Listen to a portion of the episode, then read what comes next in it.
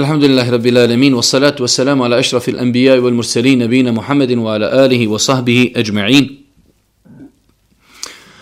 Uvažna braćo, poštovane sestre, uvaženi gledatelj, evo nas još u jednom predavanju iz fika u kojem se družimo sa poglavljem dženazi namaza. Sada baš konkretno i govorimo o dženazi namaza. Eh, u prvom predavanju eh, večera smo govorili o tome kako i na koji način se Medjit, bio muškarac ili žena, eh, umotavaju u čefine. Nakon toga kako i na koji način se počinje sa namazom, klanjanje dženazi namaza. Pa smo kazali da dženaza namaz ima dvostran, obostranu korist kako za insana koji klanja, tako i za Medjita. Pa smo rekli kada je u pitanju insan koji klanja, Allah poslanika ali se letu se nam je kazao, onaj ko klanja dženazu, ima, ima jednu veliku nagradu kao brdo Uhud Kirat, a onaj ko klanja dženazu i ko bude dok se dženaza ukopa, imaće e, duplo veću nagradu dva brda kao e, dva velika brda Uhud. Nakon toga rekli smo da je nagrada za insana kojim se klanja dženaza jeste da ako e, po jednom rivajetu, ako stotinu ljudi klanja na dženazu muslimanu, da će uzvišnji Allah prihvat njihovo zagovaranje, u jednom rivajetu je došlo 40 ljudi koji Allah subhanahu wa ta'ala čini širka, A isto tako, spomenuto je u vjerodosnovim hadisima da ako nekom muslimanu klanjaju dženazu ljudi u tri safa raspoređeni, da će uzvišnji Allah subhanahu wa ta'ala takvog insana uvesti u džennet. Nakon toga spomenuli smo da je od sunneta i lijepo, pohvalno, da se ljudi poredaju u safove, da se safovi zbiju i da se poravnaju. Način obavljanja namaza džemaza. Nakon ravnanja safova imam staće u pravcu metove glavi ako je mejit muško, a u pravcu kukova ako je žensko. Prva stvar, znači kada postavimo mejita, mi ćemo znači okrenuti se u kibli i ispred safova, ispred e, imama koji predvodi ljude, stavit će se mejit. Na kojem mjestu će stajati imam u pogledu mejite? Zamislimo sada da je ovaj sto mejit. Da li će mejit stati na sredinu ili kod nogu ili kod glavi? Pa nam še safet ovdje kaže na početku, nakon ravno, naravnanja safova, imam mejit staće u pravcu mejtovi glavi ako je mejt muško, a u pravcu kukova ako je mejt žensko. Znači imamo dvije situacije, ako je mejit muškarac, imam će stati kod njegove glavi između Mejita i Safova kod njegove glavi, ako je u pitanju žena, onda će stati e, znači negdje oko sredine njenog tijela, otprilike gdje su njeni kukovi. Enes ibn Malik prenosi da Allah poslanik stao u pravcu glavi, ako se radi o muškarcu, pravcu kukova, ako se radi o ženi. Enes ibn Malik prenosi da bi Allah poslanik stao u pravcu glavi, ako se radi o muškarcu, pravcu kukova, ako se radi o ženi. Semura radijallahu ta'ala kaže klanjao sam s poslanikom ali se ratu selam dženazu namaz ženi koja je umrla u nifasu pa je stao u pravcu njenih kukova. Ovo mišljenje zastupa većina islamskih učenjaka. Znači većina islamskih učenjaka smatrala je da kada je u pitanju mejit E, gleda se da li je muškarac ili je žena. Ako je muškarac, će se pomjer, e, imam će se pomjeriti malo uljevo, znači da stani od prilike, e, znači naspram glavi mejeta, ako je u pitanju žena, mejet staće od prilike, znači naspram njeni kukova i tog stava su bili većinski dio islamskoj učenjaka. Što se tiče anefijske pravne škole, poznato je i odabrano mišljenje da imam stoji u ravnini mejtovih grudi bez obzira na spolu.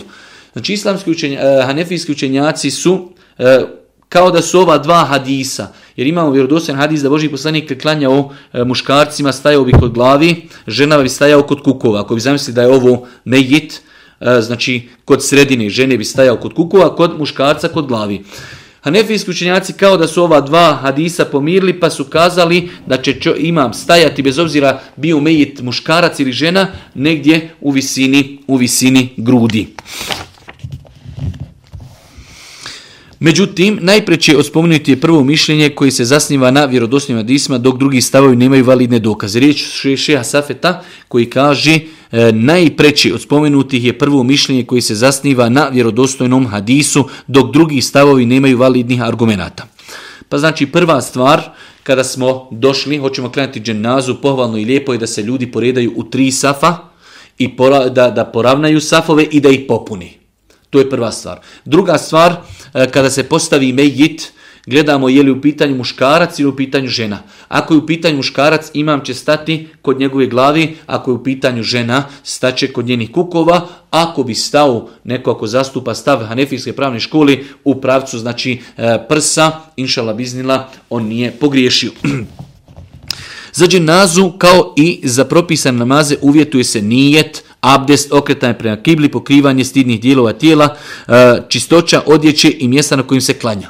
Znači svi uvjeti koji smo mi spomenuli kada smo govorili o propisima namaza odnose se i na dženazu namaz, s tim što postoji e, jedna iznimka, to je da se obični namaz ne može klanjati u mezarlucima za razliku dženazi, što je potvrđeno više hadisa da je Allah poslanik ali se ratu u datom momentu znao doći nakon što Mejid bude ukopan i klanjao bi znači u mezarlucima znači klanjao bi dženazu namaz određenom Mejitu. E, znači svi uvjeti koji se uvjetuju za ispravnost, da kažemo, ostalih običnih namaza mimo dženazi uvjetuju se i za ovaj namaz. Pa znači uvjet je nijet. Čovjek kada kaže Allahu Ekber ima namjeru da klanja dženazu namaz. Treba da bude pod abdestom, treba da se okrenemo prema kibli, treba biti pokriveni stidnih dijelova tijela, e, treba da bude odjeća čista i mjesto na kojim se klanja. S tim što smo rekli da postoji izuzeta kada je u pitanju mjesto na kojim se klanja, može se klanjati i u mezarlucima ako zatim postoji potreba. Kaže nam še i safet nakon toga, nakon nijeta dignut će se ruke u a, e, ravnini ušiju ili ramena i donijeti početni tekbir. Islamski učinjaci se slažu e, na dizanju ruku kod početnog tekbira. Kao i kod e, ostalih namaza, čovjek će izgovoriti početni tekbir Allahu Ekber, podignut će ruke u visini ili ramena ili u visini ušiju, i izgovorit će početni tekbir i svezat će ruke identično sve što smo radili u ostalim namazima sabah, podne i kindija, akša, mjacija, isto tako je u dženazi s tim što znači neće biti odlaska na ruku ni seždu, ali početni tekbir je isti. Allahu ekber, podižemo ruke ili u visini ramena ili u visini ušiju, nakon toga znači vezujemo ruke, stavljamo desnu po lijevoj. Zatim će se staviti desna ruka po lijevoj na prsa, o čemu je bilo govora u posebnom dijelu i mi smo, ako Bog da, o tome posebno govorili. Nakon toga će se proučiti El Fatiha. Postoji, znači, razilaži kod islamskoj učenjaka šta se uči u dženazi namazu nakon početnog tekbira. Svi, znači, imaju jednoglasan stav, treba početi dženazu sa donošenjem tekbira. Allahu Ekber, šta se uči na prvom rekiatu? Odnosno, da li se uči Fatiha ili se ne uči Fatiha? Pa nam Šej Safet kaže ovdje, nakon toga će proučiti Fatihu. Talha ibn Abdullah, ibn Auf kaže, klanjao sam sa ibn Abbasom dženazu namaz pa je proučio El Fatiju i rekao, neka znaju da je učenje Fatihe sunnet. Znači ovaj čovjek prenosi da je klanjao dženazu za ibn Abbasom. Ibn Abbas je ashab Božih poslanika, I učio je Ibnu Abbas na dženazi nakon prvog tekbira Fatihu. I učio je malo poluglasno da ljudi čuju. Pa je nakon dženazi kazao, želio sam da čujete šta učim jer je to sunnet. A sahabi kada kažu sunnet, ne može biti nikakav drugi sunnet osim sunnet Božijeg poslanika, alihi salatu wasalam. Na osnovu Ove predaje imam Buharije naslovio poglavlje Učenje Fatihe na dženazi. Poznati ashab Ebu Umame je rekao sumnjeti na dženazi namazu nakon prvog tekbira proučiti El Fatiha u sebi. Citirani predaje ukazuju da je učenje Fatihe na dženazi sunnet jer kada ashab kaže da je nešto od sunneta to se smatra praksom Allahog poslanika alih se lertu sram po mišljenju izraziti većine učenjaka islamske jurisprudencije. Imam Šafija zapaža kada Ashab kaže da je nešto sunnet, onda se to odnosi na sunnet Božijeg poslanika, alihi salatu wasalam. Prva stvar znači, kada čovjek donese početni tekbir na dženazi, nakon toga će proučiti fatihu. E, postoji razilažen kod islamskoj činjaka da li nakon fatihe proučiti i suru. Mislim da se to pitaj najbolje vraća na mogućnost ako imam ostavi vremena čovjeku, e, znači ostane duže vremena, čovjek je završio fatihu, bolje je da prouči suru nego da šuti. Ali ako imam već donese e, drugi tekbir, definitivno tada neće učiti suru. Kažem še i safet, neki učenjaci smatraju da se uz fatihu može učiti i kratka sura.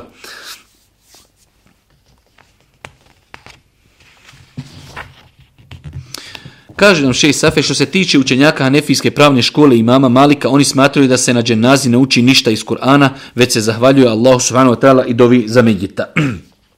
U svakom slučaju, e, Šej Safet je ovdje, pošto je ovo knjiga komparativnog fikha, e, spomenuo mišljenje hanefijskih učenjaka, njihove dokaze i na kraju je kazao, smatram, a uzvišni Allah najbolje zna, da je dozven učiti El Fatihu na dženazi namaz. Onaj ko uz El Fatihu prouči i kratku suru, postupio je također po vjerodostojnim sunnetu, kako kaže Ibn Munzir, iako je kod islamskih učenjaka uglavnom poznato učenje suri El Fatiha. znači, E, imam učenjaka koji smatrali da se prilikom dženazije ne uči fatiha. E, mi imamo prvo općenite hadise gdje Allah poslani kaže La salate li men lem jakla bi fatiha til kitab.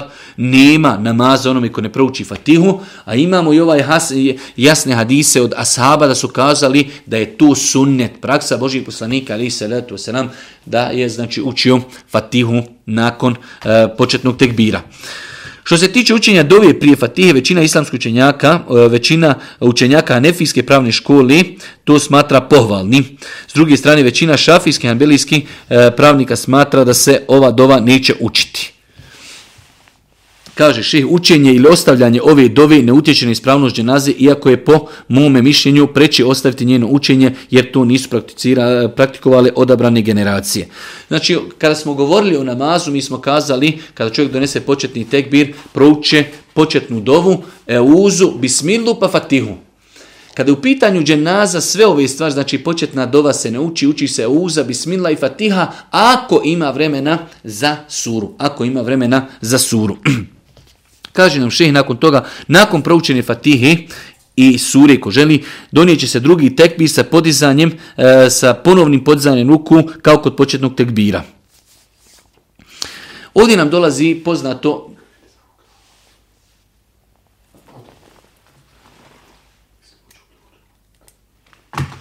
Ovdje nam dolazi do poznatog također razilaženja, to je kao što u namazu imamo razilaženje, da li se ruke podižu više puta u namazu ili ne, isto tako i e, u dženazi postoji razilaženje kod islamskih učenjaka, da li se ruke podižu, da li se ruke podižu e, samo kod početnog tekbira ili se podižu kod početnog tekbira i kod svakog novog, e, ajde da kažemo, donošenja tekbira. E, Kada je u pitanju sunnet Božijeg poslanika, ali se letu sram, ne postoji precizan argument koji potvrđuje da je Božiji poslanik prilikom kranja dženaze namaza dizao ruke kod ostalih tekbira. Ali imamo vjerodostojne predaje od Ibnu Omera radijallahu ta'ala da je dizao ruke i od Ibnu Abbasa.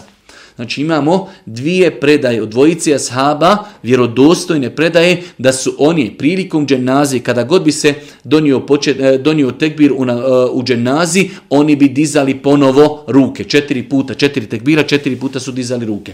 Tako da, Allah najbolje zna i to će i preferirati šeh Safet, da E, čovjek znači e, povodit se za ovim asabima koji su to opet najvjerojatnije radili zato što su vidjeli Božih poslanika alihi salatu wasalam jer otkud njima da to radi osim da su vidjeli Božih poslanika znajući koliko Abdullah ibn Omer pogotovo je bio prepoznatljiv da je slijedio sunet Božih poslanika alihi salatu wasalam. U svakom slučaju samo podzanje ruku kao što smo govorili i, i prije je podiz, e, podzanje ruku u namazu je sunnet. Pa znači E, rekli smo, kad se klanja dženaza namaz, počinje se početnim tekbirom Allahu Ekber, nakon toga se uči Auza, Bismillah i Fatiha. Ako ima vremena, proučimo i suru. Nakon toga opet se donosi e, tekbir Allahu Ekber, Imamo mišljenje islamskog učenjaka koji kažu tada se opet podižu ruke, imamo mišljenje učenjaka koji kažu ne dižu se, ne dižu se ruke. Nakon toga se donose salavati na Božih poslanika, alihi salatu wasalam. Možemo ovdje samo, znači Ši Safet je ovdje malo detaljise o potom pitanju, u svakom slučaju nakon, e, on kaže, nakon citiranja mišljenja sa dokazima smatram da je poželjno dizati ruke pri svakom tekbiru kod dženazije namaza zbog vjerodostojnih predaja od ashaba Allah Žešanu najbolje zna. Znači Ši Safet preferira mišljenje e, da je pohvalno dizati ruke prilikom svakog donošenja tekbira, prilikom klanja dženazije namaza, svakako ko to insan izostavio, nije izostavio ništa što utječe na validnost namaza. Zatim će se, znači nakon ovog drugog takbira, donijeti salavat na Allahog poslanika, alaih salatu wasalam. Rekli smo prvi, e, idemo početni tekbir, nakon početnog tekbira uči se uza, bismillah, fatiha, ako ima vremena za suru. Donosi se drugi tekbir, po mišljenju e, određenog broja islamskih učenjaka, zasnovano na predama Ibnu Abasa, Ibnu Omera, podižu se ruke, kod određenog učenjaka neđu se ruke, nakon drugog tekbira uči se, uči se, e, donosi se salavati na Božih poslanika, onako kako se donosi salavati u namazu. Allahumma salli ala Muhammedin wa ala ali Muhammed, kema sallite ala Ibrahim wa ala ali Ibrahim, inneke hamidun međid, wa barika ala Muhammedin wa ala ali Muhammed, kema barekte ala Ibrahim wa ala ali Ibrahim, inneke hamidun međid. Znači, e, ovo malo pojašnjamo iz razloga što se dženaza porijetko klanja, pa je lijepo da čovjek obnovi ove stvari. Meni se nedavno desilo da sam pristo jednoj dženazi na mazu, pa mi prišao jedan čovjek, čak, znači, e, za kojeg nisam mislio da će me to upitati, ali kaže, možeš li mi kratko pojasniti šta se uči u dženazi namazu, jednostavno rijetko se na dženaza namaz klanja, pa je lijepo da se ljudi e, prisjeti šta se, šta se uči e, E, znači na, nama, na dženazi namaz, pa smo rekli nakon prvog tekbira se uči fatiha, nakon drugog tekbira se uči salavati na Božih poslanika, alihi salatu wasalam, identično onako znači salavati kako se donose salavati u namazu. Nakon toga, nakon toga donijeće se treći tekbir, e, doviće se za Megita. Nakon toga treći tekbir, Allahu Ekber, potižu se ruke za one koji smatraju da je to sunnet. Nakon trećeg tekbira, nakon prvog se uči Fatiha, nakon drugog se uči e, salavat na Božeg poslanika, nakon trećeg se e, uči dova za Mejita. E, imamo više dova koje je zabilježeno od Božeg poslanika, ali se ratu selam da je učio, tako da bilo koju dovu da čovjek nauči, e, koja je prinesena od Božijeg poslanika, ali se ratu selam, on je ispravno postupio. Ima ona poznata dova koju je zabilježeno ima muslim, اللهم اغفر له وارحمه واعفه واعف عنه واكرم نزله وادخل مدخله ووسع آه، اللهم اغفر له وارحمه واعفه واعف عنه واكرم نزله ووسع مدخله واغسله بالماء والثلج والبرد ونقه من الخطايا كما نقيت الثوب الابيض من الدنس وابدله دارا خيرا من داره واهلا خيرا من اهله وزوجا خيرا من زوجه وادخله الجنه واعذه من عذاب القبر Kaže se آه، da Asab koji prenosi ovaj هاديس Kaže, kada sam čuo ovu dovu, koju je Boži poslanik učio za jednog mejita, ja sam poželio kamo sreći da sam ja taj mejit, koliko je dova Božijeg poslanika, ali i selatu je selam, bila dobra i koliko je bila sveobuhvatna. Ono što nas interesuje jeste da postoji znači e, više dova koji su zabilježeni od Božijeg poslanika, ali i selatu je selam, koji se uče nakon trećeg tekbira. Kaže nam šeji Safet, učenje jedni od dova je elementarni dio rukn dženazije namaza po konsensusu islamskoj činjaka. Nakon toga učinit će se četvrti tekbir i ponovo doviti. Znači imamo prvi tekbir pa fatiha, pa drugi tekbir pa salavati, pa treći tekbir pa dova za mejita i nakon toga četvrti tekbir – U većini slučajeva imami nakon toga ne ostavljaju prostora, ali ako, ako se ostavi prostora, ako ima vremena, znači opet će čovjek nastaviti doviti. Kaže se ovdje Ši Safet naveo e, da ima učenjaka koji su kazali da, da nakon četvrtog e, rekiata, e, e, četvrtog tekbira lijepo je učiti dovu Rabbena atina fi dunja hasenetum fil ahireti hasenetum vokina azaben nar. U svakom slučaju, znači ako ima prostora, čovjek će nastaviti doviti, ako nema prostora, znači nakon četvrtog tekbira se predaje selam. Ponovo se vraćamo samo uh, početku dženazi, rekli smo na početku dženazi se donosi početni tekbir, e, učić se Euza, Bismillah i Fatiha. Opet se donosi tekbir, nakon drugog tekbira se uči salavat na Božijeg poslanika, nakon što završi salavat na Božijeg poslanika donosi se ponovo tekbir, uči se za dova za Mejita, donosi se četvrti tekbir, Ako imam ostavi prostora, nastavit ćemo doviti lijepo i učiti onu dovu koju svi znamo, Rabbe Natina Fidunja Hasene, Ofil Ahirat je Hasene, Trunatina Zabe Nar, ako ne, predaje se selam na desnu i lijevu stranu i time se završava dženaza namaz. Sve to smo uradili stojeći, znači stojeći u safovima. Pitanje koje tretiralo u šest safet jeste da li je dozvano učiti više od četiri tekbira na dženazi. Imamo, znači, e, većina hadisa eh, kojima se prenosi da je Allah poslanik Ali se ratu sam klanjao dženazu nekom od asaba, eh, zabilježeno da je Allah poslanik donosio četiri tekbira. Ali imamo i predaje u kojima stoji da je neko da saba donosio prilikom klanjanja dženaze i pet tekbira, spominjući da je tako vidio Boži poslanika, ali se letu selam, zato nam še Safet kaže prema tomi. Dozvoljno je ponekala učiti pet tekbira za dženazu namaz. A ako se već treba ograničiti na jednu formu, onda će se ograničiti na četiri tekbira, jer je to bila najčešća praksa Božih poslanika, alaih salatu wasalam. Znači, ako bi čovjek zaista imao e, čistu situaciju da klanja dženazu namaz, pa da nekada donese nakon četvrtog tekbira, dovi pa donese peti tekbir pa preda selam, inša Allah bi iznila i to se može smatrati sunnetom Božijeg poslanika, ali ako bi se već treba ograničiti na jednu formu, onda je najbolje da se ograniči na onu standardnu formu, a, takva je forma i u Mekki i u Medini i kod nas, znači da se donesu četiri tekbira, nakon toga neko od imama ostavi nek, kraću pauzu za, za kraću dovu, neko ne ostavi, nakon toga se odma predaje selam. kaže nam še Safet, zatim će se preselamiti na desnu i lijevu stranu. Ibnu Mesaud radijallahu ta'ala je rekao, Allah poslanik pretkova je tri stvari koje su ljudi zapostavili. Jedna od tih stvari je preselamiti na dženazi kao na propisanim namazima. Većina učenjaka iz ranijih potojnih generacija smatra da se preselamiti samo na jednu desnu stranu. Znači, velik broj islamskih učenjaka, i to je praksa danas u Mekiju Medini, po, po tom stavu se praktikuje, velik broj ljudi to i ne osjeti, e, zato što kada imam preselami, nakon toga se čuje muezin koji prenosi njegovo e, preselamljivanje, pa ljudi misle da imami predaju selam na dvije strane, ali današnja praksa u Mekim jedini jeste da se prilikom klanjanja dženazi namaza predaje selam samo na jednu stranu. Znači većinski dio islamskog činjaka smatra je kada se klanja dženaza namaz da će se selam predati samo na desnu stranu. Ali u svakom slučaju, znači e, predavanje selama na dvije strane, in inšala biznila je ispravno. E, kaže Šisafet, nakon citiranja dokaza vidimo da su oba mišljenja zasnovana na autentičnim argumentima. Možemo odabrati mišljenje mama Šafije koji smatra da je ispravno preselamiti na jednu ili na oba dvije strane. Međutim, ipak je bolje preselamiti samo na desnu stranu zbog praksije prvih generacija. Znači Šisafet ovdje kao da preferira e, ono što se danas praktikuje u Mekke Medini, a to je da je bolje preselamiti predati selam samo na jednu stranu, ali je ispravno, ispravno, znači ima svoju e, podlogu u, u dokazima da se selam preda na obje strane.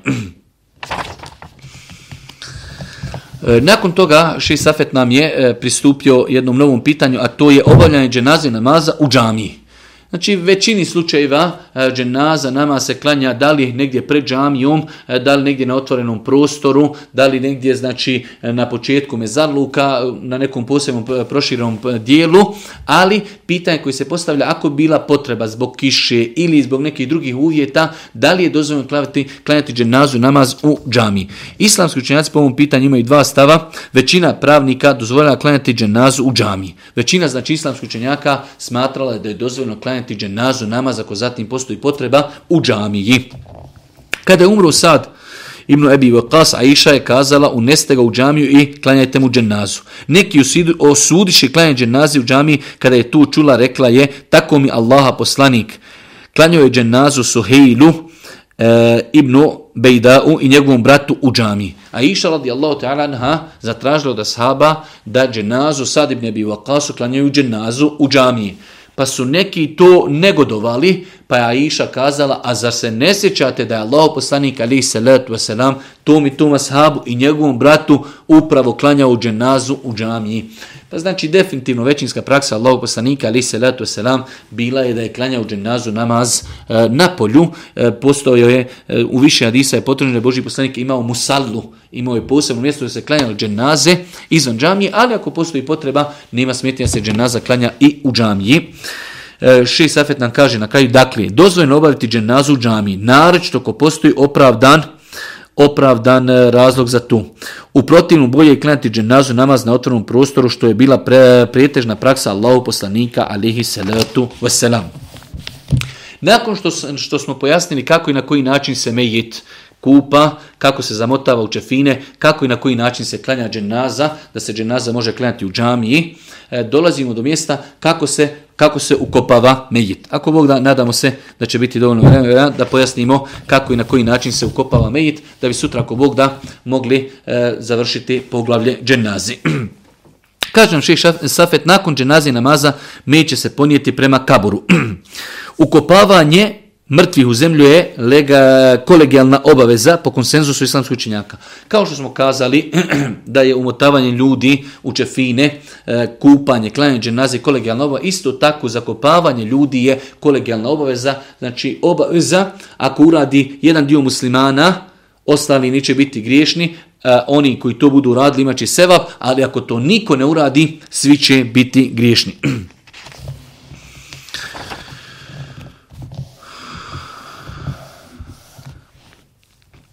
praćenje dženazi. Kaže nam Ši Safet što se tiče praćenja dženazi, islamski učenjaci imaju podijeljena mišljenja E, u svakom slučaju imamo mišljenje učenjaka koji kažu da će dženaza ići, a ljudi koji prate dženazu idu ispred dženazi, dok imamo mišljenje da dženaza ide, znači Medjice nosi prvo, a iza njega idu ljudi koji prate dženazu. U svakom slučaju, e, Ši Safet na kraju kaže, nakon spomenuti preda vidimo da su oba dva mišljenja zasnovana na autenčnim dokazima, tako da nema smetnje praktikovati jedno od dva mišljenja, a najbolje je kombinovati. Ovo potvrđuje predaje u kojoj Enes Ibn Mal kaže, Allah poslanik Ebu Bekr i Omer su ponekada išli ispred dženazi, a ponekada iza njih. Ono kod nas što je praksa jeste da u većini slučajeva, znači e, kada se nosi mejit, mejit ide naprijed, a ljudi koji prate dženazu idu iza njega, ali ako se desilo da čovjek prođe ispred mejita, e, ovo je dobro da poznajemo nekada da postoje razilaženja i po, dobro je da poznajemo da postoje dokazi za ispravnost oba dva mišljenja. Tako da ako bi u datom momentu čovjek išao i ispred mejita, znači ljudi koji nose mejita možda idu sporije, čovjek koji ne nosi mejita ide ispred njih ili da ide iz za njih, sve to, inša Allah, biznillahi, ispravno i sve to, kao što vidimo u ovom vjerodostavnom hadisu, da kaže Enes ibn Malik, Allahu poslani Kebu Bekr i Omer su ponekada išli ispred dženazi, a ponekada bi išli iza njih. Tako da je, inša Allah, biznila, kada u pitanju ukop, kada se krene nositi medjit, ispravno je ići i ispred dženazi i ispred i iza. E, bez obzira da li je mejit muško ili žensko, nosit će ga isključivo muškarci, što je u jednu ruku što je u jednu ruku i, i logično kada se nosi mejit, znači ipak mejit ima svoju težinu, muškarci su jači, e, žene, hem što su nejače, s druge strane e, nošenje mejita znači, može uzrokovati da žene, da im se otkriju avret, tako da, e, znači kao što je navio šest safet, e, bez obzira da li je mejit muško ili žensko, nosit će ga isključivo muškarci. Sunite da se okupa onaj koji je kupao mejita, a da se abdesti onaj koji ga je nosio. Znači, sunnet je pohvalno, nikako e, naređeno da insan koji je kupao mejita, da i on se okupa, insan koji je nosio mejita, da obnovi abdest, ali ako ne bi obnovio abdest, ako se ovaj koji ga je kupao ne bi okupao, inšala biznila, nisu pogriješili. Kada se mej donese do mezara, stavit će se u njega bez iščekivanja, jer je sunnet, kako smo već spominjali, e, spominjali požuriti sa ukupom mejita. Znači, generalno je pravilo, generalno je pravilo da treba požuriti, požuriti sa ukopavanjem mejita i samo znači donošenje Megita odma znači se pristupa spusta, spustanju u, u kabur i zatrpavanju jer je generalno pravilo u dženazi da treba požuriti sa ukopom. Postoje e, određeni faktori i, i razlozi da se nekada odgodi dženaza namaz, ali znači generalno pravilo o tome smo govorili u jednom od prošlih predavanja, jeste da treba požuriti i sa kupanjem, i sa umotavanjem čefine, i sa nošenjem, i sa klanjanjem dženazi namaza, i sa zakopavanjem. Kaže nam šeji Safet, sunjet je da mezar bude dubok i dovoljno širok da se bez poteškoće mejic spusti u njega. Hvala Allahu Đeršanu e, koliko je poznato cijeli umet, znači ovo prakticira, da su kaburovi i duboki i dovoljno široki, toliko da mogu dvojica ili trojica ljudi sići u kabur kako bi mogli spustiti mejita.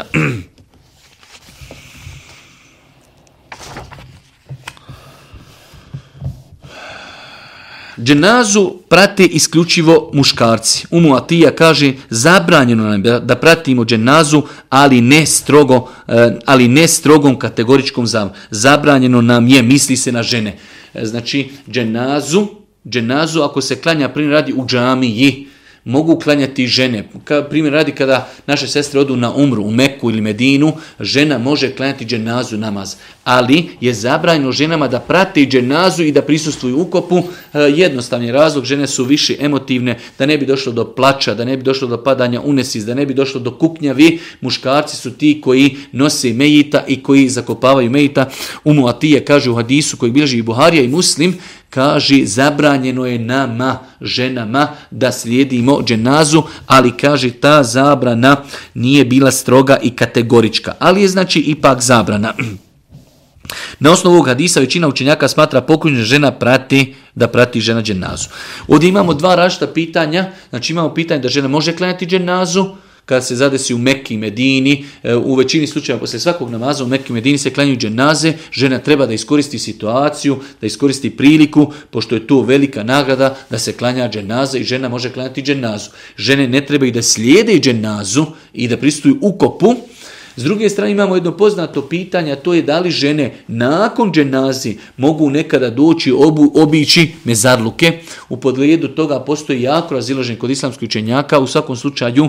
E, E, ja sam stava e, na osnovu opet iščitavanja te tematike da žene povremeno mogu otići i obići mezarluke. Šeha Albani o tome detaljno govorio u svojoj knjizi kada je govorio o propisima, propisima dženazi, detaljno je govorio o argumentima koji ustvrđuju da žena povremeno, inšala bizina, može otići i posjetiti, e, posjetiti kaburove jer razlog posjete jeste prisjećanje na ahiret. I muškarac kada ode na mezarluke prisjetit će se ahireta kako ljudi umiru i svi ćemo mi sutra otići, isto tako je i žena. Ali definitivno žene ne trebaju da to često čine iz razloga što su one više emotivne, kako ne daj Bože ne bi uradile nešto što je neispravno. Kaže nam šest safe, kada se stigne do kabura, mej će se spustiti u led. Lehd je posebna udobna koja se iskopa na dnu kabura po njegovoj dužini sa strane koja je bliža kibli. Znači, imamo dvije stvari kako se mejit može zakopati kada se iskopa uh, znači e, e, kabur, uzmimo da je ovaj sto kabur, šta je led? Znači, o, ako je ovo strana do, do kibli, ovo je znači strana do kibli, meji će se spustiti na desni bok, a u ovoj strani desnoj, ako je ovo kabur, ovo je znači lijeva strana, ovo je strana koja je leđima okrenuta kibli, ovo je strana prema kibli, u donjem dijelu u visini nekih 50 akcanti će se ukopati kibli, dio gdje će se mejit gurnuti do te mjere da kada poslije ozgur pogledamo, mejit se neće vidjeti. Znači, tako je od sunneta ukopavanje, ukopavanje mejita, da kada imamo sada, znači, kabur i gledamo ga ozgor, znači, mislim da se to zove tlocrt, kada ga ozgor gledamo, u donjem dijelu koji je prema kibli, u nekoj visini 50 cm će se ukopati opet novi pravugao, pravugaonik, pravugaonik, do te mjere da se mejit može tamo e, uvući na desni bok staviti znači možda neke širine 40 cm i da se stavi nakon toga se znači čerpićima ili ciglama zazida i nakon toga se spusti zemlja e, znači tako da imamo taj način i taj način je inšala bizna malo bliži sunnetu tako je ukopan Boži poslanik to se zove lehd i imamo šeq da se iskopa kabur standardno i da se onda na sredini kapura, na sredini kabura iskopa kao jedno dodatno korito u koje se spusti mejit i nakon toga se gore stavi znači cigle i nakon toga ide zemlja. Enes ibn Mali kaže kada je umro Allahu poslaniku Medinu su bile dva grobara. Jedan je kopao lehd, a drugi šek. Znači lehd je kada se ukopa znači onoj strani koja je do kibli, ukopa se dole, znači na dnu 50 canti visine i 40 canti širine, ukopa se, znači u pravcu prema kibli i u taj, u taj dio se postavi mejit, znači onoliko koliko je mejit širok na, na, na, na, na desni bok, okrenut licem prema kibli. Pa kaže eh, Enes ibn Malik, eh, jedan od tih grobara je kopao leht, a drugi je šek. Rekli smo da je šek, tu je korito nasred, nasred kabura. A sabi su bili u nedomici šta da učini, pa su kazali pozvaćemo bojicu, pa koji dođe prije neka kopa mezar. Čovjek koji je kopao led došao je prije, pa su poslanika stavili u led. Dakle, kažeš i sabi, dozvajem kopati mejita u led i u šek. Imam nevevi, po ovom pitanju ne vodi konsenzus učenjaka. Znači, dozvoljeno je od, od ova dva načina, bilo koji da se način koristi, inšala, to je ispravno. Međutim, islamski pravnici smatraju da je lehd bolji od šek, Lehta, jer poslanik Ali se letu selam ukopan je u Leht. Nakon toga, kaže se Mejita će u lehdi ili šek spustiti odgovarajući broj njemu bližnjih osoba shodno potrebi. Znači, e, to je standardno u cijelom umetu, nekoliko ljudi, dvojica, trojica ili četvorica shodno potrebi, koliki je Mejit i koliko ima prostora, siže neko od bližnje rodbine, spustit će, spustit će Mejita. Ono što je interesantno spomenuti, a to je da su muškarci ti koji ispuštaju, da su muškarci ti koji ispuštaju mejita u kabur, a isto tako ono e, interesantna stvar danas sam je dodatno malo istraživao, Šej Safet to nije spomenuo ovdje u knjizi, a to je da li je dozvoljeno da, da u kabur siđe kada je u pitanju žena neko ko nije ženi bližnji rođak, odnosno njihoj mahrem. U svakom slučaju veli broj islamskih učenjaka današnjeg doba kao što je Šehu Semin Šeh bin Bas smatrali su da nema smetnje da u kabur siđe neko ko nije rođak ženi, Svakako da je ljepše i preće da siđe u kabur ako je žena preselila, da siđu njeni sinovi, da siđe njen sin, e, da siđe njen muž i tako dalje. Ali ako bi se desilo ili da ih nema ili da iz nekog opravdanog razloga da treba da siđe neko ko nije rođak toj ženi, inšala vizela nema smetnje da siđe neko i, i da ispusti u kabur. Kaže nam šeji Safet, e, mužu je dozvan spusti svoju mrtvu suprugu u kabur jer nema utečni dokaza koji to brani. Neki učenjaci smatraju da je pokuđeno čovjek koji je imao odnos sa svojom suprugom prijetodne noći da spušta žensko tijelo u kabur. Či znači, imamo vjerodostojne hadise u kojima je Allah poslanik prilikom spuštanja žens, e, žena u kabur pitao ko sinoć nije imao intimni kontakt sa suprugom, pa kada bi se neko javio, onda je kazao, e, ti koji nisi imao intimni kontakt, ti si iđi u kabur, pa shodno tim hadisima, znači islamski učenjaci su smatrali pokuđeno da u kabur silazi muškarci koji su te večeri imali intimni kontakt sa svojim suprugama, ovo u pitanju kada su u pitanju, znači kada je u pitanju spuštanje Mejita ženska. Mejit se spušta u kabur sa strane do koje nakon polaganja bivaju stopala. Znači ako bi uzeli da je ovo, da je ovo kabur, da je to kibla, ovdje će biti znači glava, zato što će čovjek leći na desnu, biti povaljen na desnu stranu, ovdje će biti okrenute noge. S te strane treba unijeti s te strane treba unijeti mejita i lijepo je da prilikom e, unošenja mejita u kabur se uči dova bismillahi wa ala sunnati rasulillah ili bismillahi wa ala millati rasulillah. Znači jedna od ove dvije dove, znači rekli smo ako je ovo kabur, ako je ovo pravac kibli, čovjek mejita će po, e, položiti na desni bok, licem okrenut prema kibli, e, znači ovdje će mu biti okrenute noge, ovdje glava, s ovog dijela kabura je najljepše da se unese mejit, prilikom unošenja u kabur učit će se dova Bismillahi wa ala sunneti Rasulillah ili Bismillahi ala milleti Rasulillah. Kaže nam šest safet, mejit će se staviti u lehd na njegovu desnu stranu, usmjere, usmjerenu licem, i prednjim dijelom tijela prema kibli. To je onako kako smo pokazali, ako bi rekli da je ovo kabur, da je ovo pravac kibli, mejice, znači svojim desnim bokom će se staviti na zemlju i licem i prsima okrenut prema kibli. Zatim će se e, uspravljenim čerpićima zatvoriti leht ili sa položenim šek. U svakom slučaju, znači kada se mejet postavi eh, u, u dio koji je pripremljen za njega, nakon toga, znači ciglama ili čerpićem će se zatvoriti e, prostor, nakon toga će se početi e, zatrpavati zemljom. Kaže še i Safet, sunjeti da svako ko je neposredno blizu mezara iz šake tri puta baci zemlju od glavika stopalima. Znači sunjet je da čovjek koji je blizu tu, da uzmi zemlje i da tri puta baci šakom, a nakon toga, inšala, da počnu zagrtati sa alatkama savremeni. nakon toga kabur će se prekriti zemljom, nije ispravno izdizati kabur više od jednog pidlja. Nije znači e, ispravno, niti je pohvalno da se kabur izdiže više od jednog pidlja. Kaže Šeji Safet na kraju, nema smjetnje staviti kamen ili slično iznad glavi kako bi se znalo za mezar, tako je postupio Allahu poslanik kada je umro Osman ibn Maz'un. Nema smjetnje. E, poslije ćemo, inša Allah, sutra govoriti o nekim neispravnim postupcima koje je Šej Safet tretirao na kraju knjige e, u islamu i znači dozvoljno nema smjetnje da se na bilo koji način znači e, obilježi da tu postoji kabur. Boži poslanik Ali Selatu Veselam je kada je jedan njegov, od, od njegovih asaba preselio postavili su e, kod njegove glavi kamen kako bi se znači označilo e, gdje se nalazi kabur. Kaže i Safet, nakon što se Mejit ukopa, prisutni, či, prisutni će mu svako za sebe doviti. Ono što je znači propisano i ono što je ispravno, da nakon što smo već donijeli Mejita, postavili smo ga, zakopali smo ga, nakon toga propisano je da svako posebno za tog, do, za tog medita uputi dovu.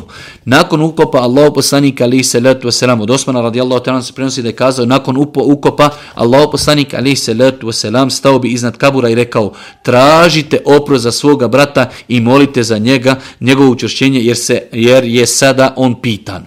Tražite opro za svoga brata i molite za njegovo učešćenje jer je sada on pitan. Allah poslanik ali se letu se nam preporučivao je da se e, tada dova, u, upućuje dova za čovjeka zato što je to vrijeme kada se čovjek ispituje.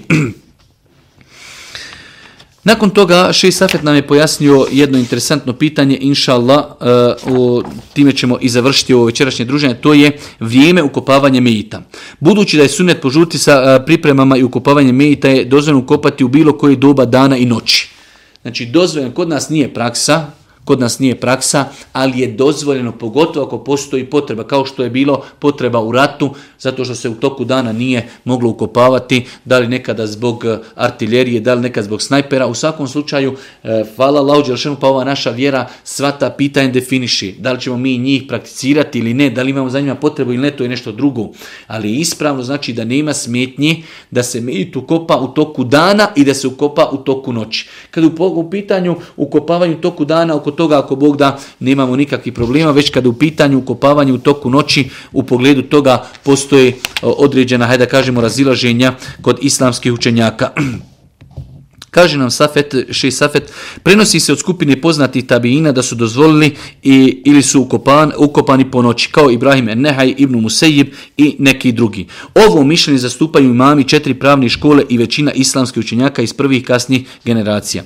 Hasan el Basri Katade smatraju ukopavanjem tokom noći pokuđenim, osim ako za, za to e, postoji prijeka nužda.